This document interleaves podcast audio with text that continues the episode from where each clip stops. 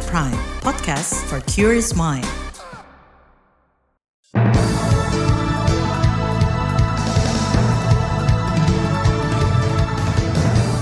Selamat pagi saudara, berjumpa kembali dalam program Buletin Pagi edisi Selasa 24 Oktober 2023. Saya Naomi Liandra. Sejumlah informasi pilihan telah kami siapkan di antaranya Mahkamah Konstitusi bentuk Majelis Kehormatan pasca putusan usia Capres. Ketua KPK Firly Bahuri hari ini diperiksa Polda Metro Jaya. Puluhan warga Yahukimo dilaporkan meninggal akibat kelaparan. Inilah Buletin Pagi selengkapnya. Terbaru di Buletin Pagi. Mahkamah Konstitusi membentuk Majelis Kehormatan untuk mengadili dugaan pelanggaran kode etik hakim. Pembentukan Majelis Kehormatan dilakukan setelah MK menerima sejumlah laporan aduan masyarakat pasca keluarnya putusan tentang batas usia minimal calon presiden dan calon wakil presiden pada 16 Oktober lalu. Juri bicara bidang perkara di MK, Eni Nurbaningsih, mengatakan MK-MK bersifat ad hoc atau sementara. Uh, diharapkan dari waktunya cepat dan ini dibentuknya dalam rangka yang sifatnya ad hoc ya. Walaupun sebetulnya kalau dilihat dari Undang-Undang MK, memang pembentukan yang ad hoc itu untuk pengangkatan hakim aktif ya tidak boleh dia terus menerus di situ. Kalau kelembagaannya memang kalau kita lihat ini kelembagaan yang definitif hanya hakim aktifnya yang memang harus uh, sifatnya ad hoc. Tapi berkenaan dengan perkara ini kami berharap ini harus secepatnya sehingga dibentuklah yang uh, sifatnya ad hoc dan nanti setelah melewati proses ya kami akan segerakan untuk mendefinitif itu nanti soal berikutnya saya kira ya. Juri bicara bidang perkara MK, Eni Nurbaningsih berharap Majelis Kehormatan MK bekerja cepat menangani laporan-laporan masyarakat terkait dugaan pelanggaran kode etik dan pedoman perilaku hakim MK. Ada tiga anggota Majelis Kehormatan MK yang dipilih, yakni Jimli Asidik dan Bintan Saragi dari luar MK serta Wahidudin Adam selaku hakim MK aktif. Dugaan adanya pelanggaran kode etik hakim dilaporkan setidaknya oleh tujuh kelompok masyarakat. Di antaranya dari Perhimpunan Bantuan Hukum dan HAM Indonesia PBHI dan Tim Pembela Demokrasi Indonesia TPDI. Mereka melaporkan sejumlah hakim MK yang dianggap melanggar kode etik ketika mengeluarkan putusan batas usia minimal calon presiden dan calon wakil presiden pada 16 Oktober lalu. Ada lima hakim konstitusi yang dilaporkan, di antaranya Ketua MK Anwar Usman, Manahan Sitompul, Eni Nurbaningsi, Daniel Yusmich, dan Guntur Hamzah. Mereka diduga melanggengkan kekuasaan melalui putusan MK dan memberi jalan bagi anak Jokowi, yaitu Gibran Rakabuming untuk maju dalam pemilu presiden. Hakim Konstitusi Wahidudin Adams menyatakan siap menjalankan tugas sebagai anggota Majelis Kehormatan Mahkamah Konstitusi atau MKMK. Dalam waktu dekat, Wahidudin mengatakan akan ada pertemuan dengan dua anggota MK-MK lain sekaligus meresmikan MK-MK. Kemudian kita tentu dalam waktu segera nanti di SK dari apa ketua MK itu kan diberi batas waktu. Nah setelah itu kita mulai bekerja ya. Jadi saya belum ketemu Prof Jimli, belum ketemu Prof Bintan ya. Kan baru tadi disampaikan melalui konferensi pers oleh yang mulia Prof Eni ya. Hakim Konstitusi Wahidudin Adams mengatakan meski terpilih sebagai anggota Majelis Kehormatan MK, ia akan tetap menjalankan tugas sebagai Hakim Konstitusi. Kalangan DPR mengapresiasi sikap Mahkamah Konstitusi yang membentuk Majelis Kehormatan MKMK. Anggota Komisi Bidang Hukum di DPR RI, Cucun Ahmad Syamsurijal, menilai keberadaan Majelis Kehormatan diyakini mampu mendorong independensi MK bukan karena penerjemahan sekelompok masyarakat, tetapi semua kelompok masyarakat melihat ada perubahan-perubahan sikap dan cara memutuskan seolah-olah keadilan dari kelompok masyarakat ini tidak didapatkan. Makanya penting membentuk mahkamah kehormatan ini karena kalau sudah diputuskan oleh MK, final dan mengikat. Bayangkan dari ruangan ini, dari DPR, 575 anggota membuat undang-undang hanya diputus dibatalkan oleh 9 orang. Anggota Komisi Bidang Hukum DPR RI Cucun Ahmad Syamsurizal mengingatkan agar Majelis Kehormatan MK bertindak selaku negarawan yang bebas atau tidak memiliki kepentingan politik. Namun kalangan ahli hukum tata negara menyoroti proses pemilihan anggota Majelis Kehormatan Mahkamah Konstitusi. Pakar Hukum Tata Negara dari Universitas Andalas, Ferry Amsari, pemilihan tiga anggota Majelis Kehormatan oleh Hakim Konstitusi ditakutkan memiliki konflik kepentingan dan keberpihakan. Ferry mengatakan seharusnya MK-MK berstatus bukan ad hoc dan diisi orang-orang mumpuni serta independen. Jika kemudian MK-MK dipilih oleh Hakim Konstitusi, tentu ada konflik kepentingan. Bukankah MK-MK dibentuk untuk kemudian menyidangkan permasalahan etik Hakim Konstitusi? Sekali lagi, memang penting MK-MK permanen, tetapi cara pengisian MK-MK juga menjadi sangat penting. Bagi saya, paling tepat sih sebenarnya MK-MK merepresentasikan komisi yudisial yang juga harus diindependenkan. Jadi, kait penting eh, ada di sana tetapi KY juga harus diisi oleh orang-orang yang jauh dari cacat politik. Pakar Hukum Tata Negara dari Universitas Andalas Ferry Amsari menambahkan Majelis Kehormatan MK mestinya bersifat permanen agar selalu bisa mengawasi kerja dan kinerja MK. Saat ini menurut Ferry, pengawasan terhadap MK justru dilakukan publik dan tidak memiliki dampak pada pembenahan di tubuh MK. Saudara, Ketua KPK Firly Bahuri hari ini dipanggil penyidik Polda Metro Jaya. Informasinya hadir usai jeda, tetaplah di Buletin Pagi KBR. You're listening to KBR Pride, podcast for curious mind. Enjoy!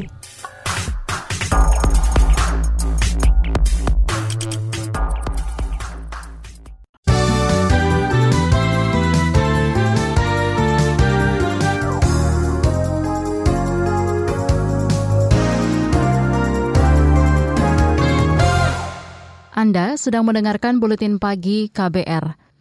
Kita ke informasi pemilu. Kabar pemilu. Kabar pemilu. Saudara, bakal calon presiden Prabowo Subianto merespon santai putusan Mahkamah Konstitusi yang menolak gugatan batas usia maksimal calon presiden 70 tahun. Prabowo mengatakan saat ini masyarakat sudah cerdas dalam menentukan pilihan. Yang saya merasa aneh ya, kalau begini terlalu muda. Kalau begitu terlalu tua. Kumaha, ya kan?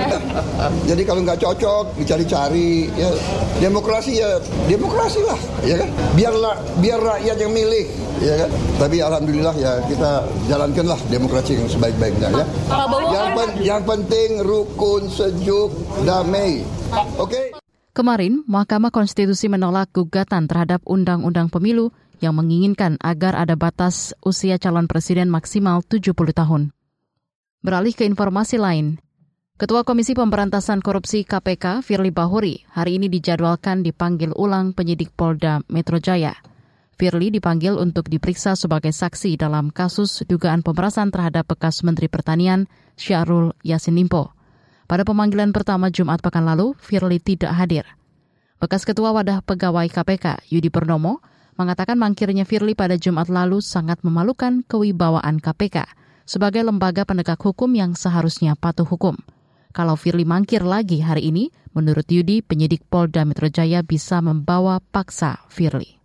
Kalau misalnya ternyata yang bersangkutan atau Firi Bahuri ini tidak datang, ya tentu uh, pihak Polda Metro Jaya penyidiknya bisa membawa paksa ya ke hadapan penyidik untuk diperiksa sebagai saksi. Nah sebelum ada membawa paksa ini sekali lagi ya kita haraplah ya kan jangan sampai ya ini kan mempermalukan institusi KPK juga gitu kan kok lembaga penegak hukum ketuanya dipanggil sebagai saksi loh ya uh, ternyata tidak hadir.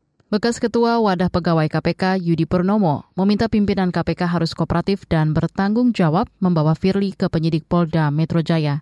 Ia mengkritik Firly yang mangkir Jumat pekan lalu, namun keterangan publik justru diberikan oleh Wakil Ketua KPK Nurul Gufron.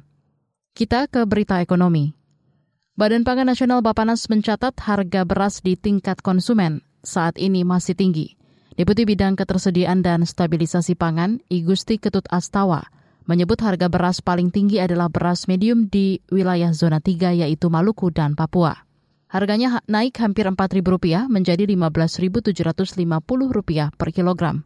Artinya semua uh, beras uh, jenis beras baik medium maupun premium di atas uh, harga eceran tertinggi rata-rata hampir di atas 15 persen ini menjadi uh, uh, tantangan kita, tantangan kita semua untuk melakukan langkah-langkah agar harga ini bisa kembali wajar. Deputi Bidang Ketersediaan dan Stabilisasi Pangan Bapanas, Igusti Ketut Astawa, Menambahkan selain semua jenis beras, komoditas yang rata-rata harganya juga di atas HET adalah jagung, gula, dan cabai rawit merah. Kita ke informasi lain. Duta Besar luar biasa dan berkuasa penuh Britania Raya dan Irlandia Utara, Dominic James Robert Jeremy, berkomitmen meningkatkan hubungan bilateral dengan Indonesia khususnya di bidang perdagangan, investasi, dampak perubahan iklim hingga pendidikan. Apalagi persahabatan bilateral Inggris Raya dengan Indonesia memiliki sejarah yang panjang. Sebelumnya, para duta besar luar biasa dan berkuasa penuh dari 12 negara sahabat menyerahkan surat kepercayaan kepada Presiden Joko Widodo di Istana Merdeka, Jakarta kemarin. Penyerahan surat kepercayaan tersebut juga menandai dimulainya penugasan resmi para duta besar itu di Indonesia. Beralih ke berita mancanegara. Badan Pemulihan dan Pekerjaan untuk Pengungsi Palestina PBB memperkirakan pengiriman logistik bantuan kemanusiaan ke Palestina akan terhenti tiga hari lagi jika jalur Gaza terus dikepung militer Israel. Saat ini pasokan terhenti karena tidak adanya pasokan bahan bakar. Tidak adanya bahan bakar berdampak pula pada distribusi air bersih hingga layanan rumah sakit. UNRWA menyebut kondisi ini akan semakin menyulitkan bagi anak-anak, perempuan, dan masyarakat di jalur Gaza. PBB menyerukan semua pihak terutama Israel agar segera mengizinkan pasokan bahan bakar masuk ke jalur Gaza. Saat ini, Badan Pemulihan dan Pekerjaan untuk Pengungsi Palestina PBB UNRWA menaungi lebih dari setengah juta orang dari hampir satu juta warga yang mengungsi di jalur Gaza. Konvoi 20 truk pertama pembawa makanan, air, dan obat-obatan telah memasuki jalur Gaza melalui perbatasan Rafah dengan Mesir akhir pekan kemarin. Militer Israel melarang konvoi kemanusiaan itu mengangkut bahan bakar. Kita ke informasi olahraga. Dari ajang Asian Para Games 2022 di Hangzhou, China, hingga tadi malam kontingen Indonesia berada di peringkat ketujuh klasemen sementara perolehan medali Medali emas pertama merah putih disumbangkan Sabto Yogo Purnomo dari cabang olahraga para atletik nomor men's T37 dengan catatan waktu 54,80 detik. Asian Para Games Hangzhou berlangsung hingga Sabtu depan. Indonesia mengirimkan 134 atlet untuk berlaga di 12 cabang olahraga. Kontingen Indonesia ditargetkan finish di 10 besar klasemen akhir dengan 19 medali emas, 23 perak, dan 25 perunggu. Di bagian berikutnya kami hadirkan saga bertajuk Tangis Warga Air Bangis di Belit Konflik Agraria dan PSN. Bagian kedua yang akan hadir usai jeda. Tetaplah di Buletin Pagi KBR. You're listening to KBR Pride, podcast for curious mind. Enjoy!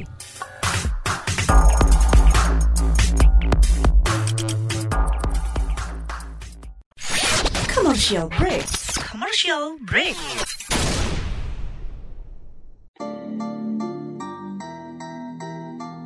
Come on yo Buat yang sukanya berhoax You better listen to this one. Check this one out yo. Hati-hati kalau baca kabar. Hoax. Jangan langsung disebar kabar yang Hoax. Kalau mau tahu kabar benar atau Hoax. Dengerin cek fakta yang pasti bukan Hoax Dengerinnya setiap Senin yang jelas bukan hoax. Cuma ada di kbrprime.id dan aplikasi podcast lainnya. Hoax. Sudah cukup-cukup hoaxnya? Hoax. Cukup. Jaga emosi, tahan jari, verifikasi sebelum dibagi. Saya Aribo Sasmito, Ketua Komite Pemeriksa Fakta Mafindo. KBR Prime, podcast for curious mind.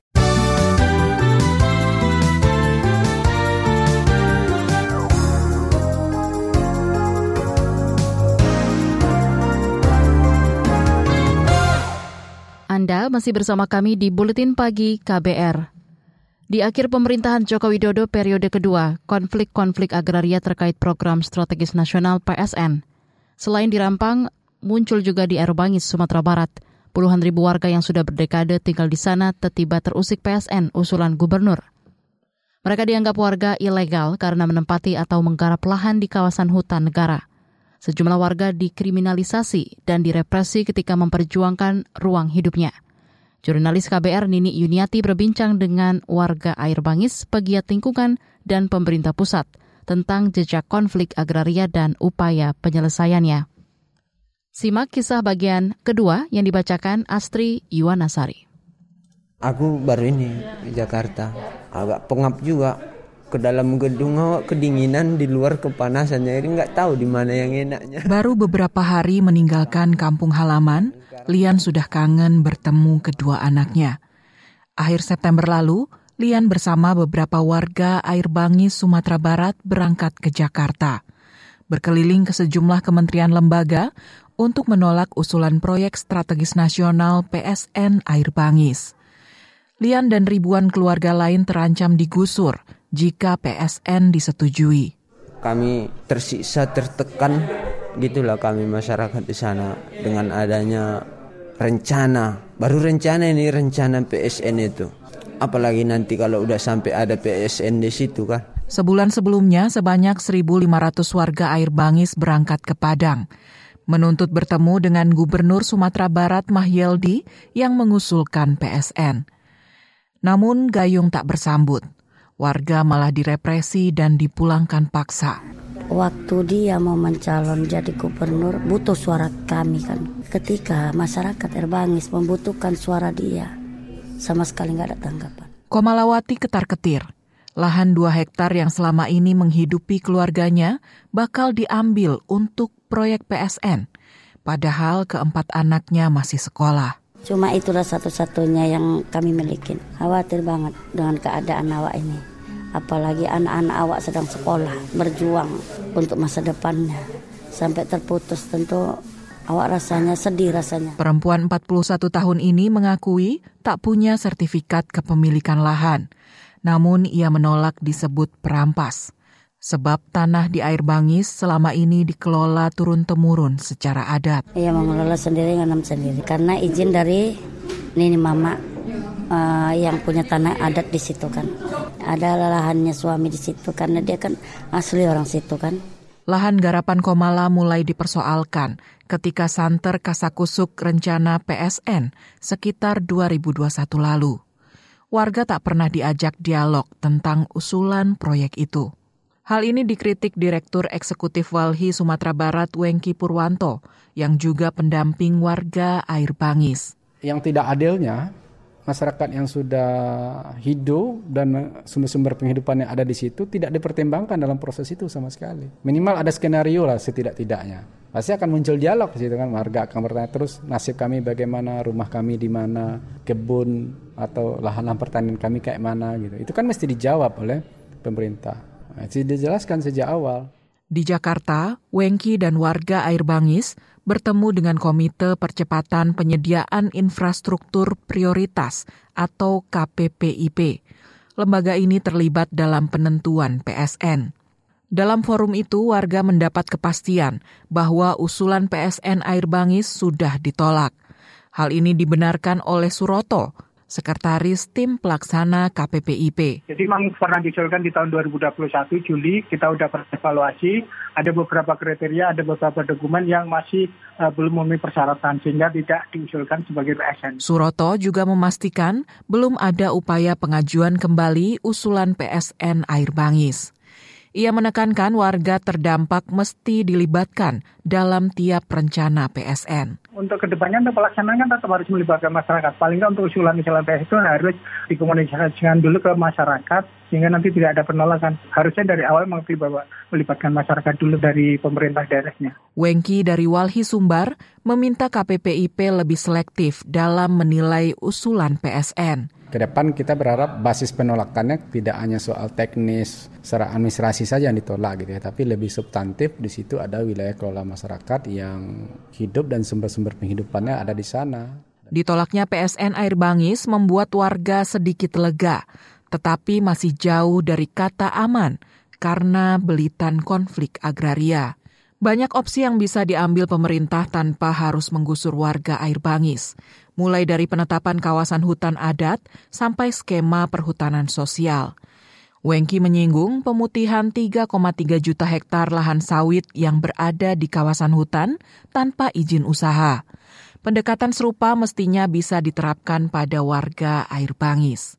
Untuk perusahaan kan bisa, apalagi untuk masyarakat yang udah ber generasi di situ dan itu cuma sekecil 2 3 ada yang 0,65 hektar dari regulasi yang hari ini sangat mungkin dan bisa cepat. Mungkin hitungan 1 sampai 3 bulan mestinya ini sudah selesai konfliknya. Demikian Saga KBR, saya Astri Yuwanasari. Informasi dari berbagai daerah akan hadir usai jeda. Tetaplah bersama Buletin Pagi KBR. You're listening to KBR Pride, podcast for curious mind. Enjoy!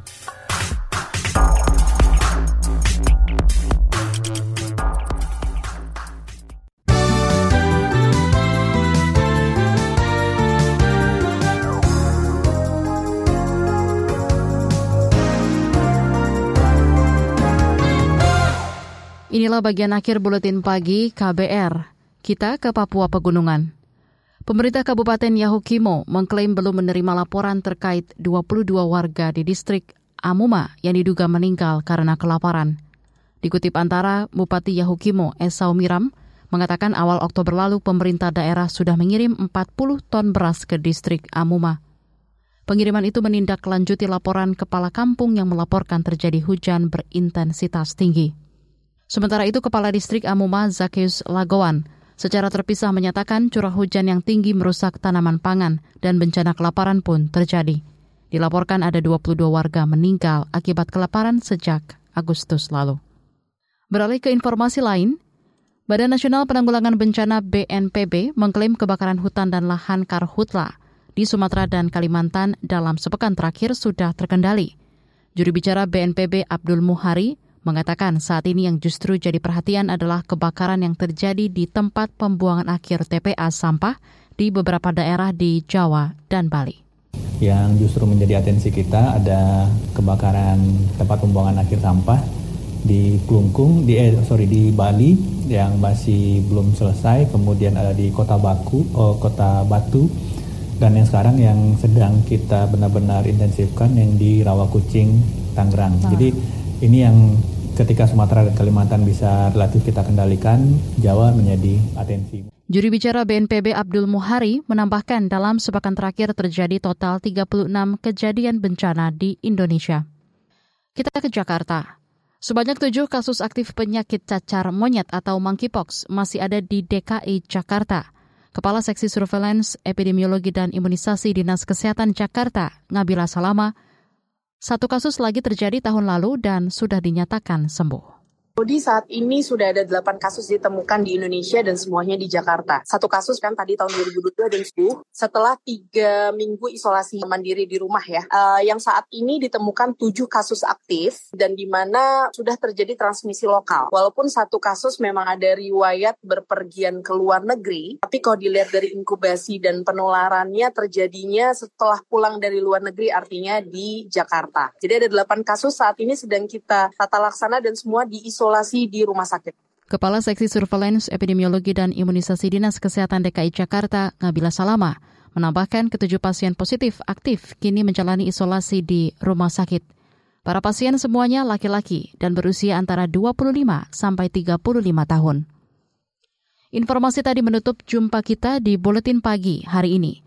Pantau informasi terbaru melalui kabar baru situs kbr.id, Twitter at berita KBR, serta podcast di kbrprime.id. Saya Naomi Liandra bersama tim yang bertugas undur diri. Salam.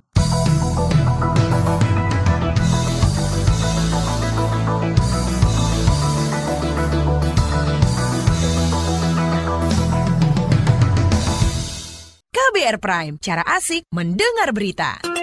KBR Prime, podcast for curious mind.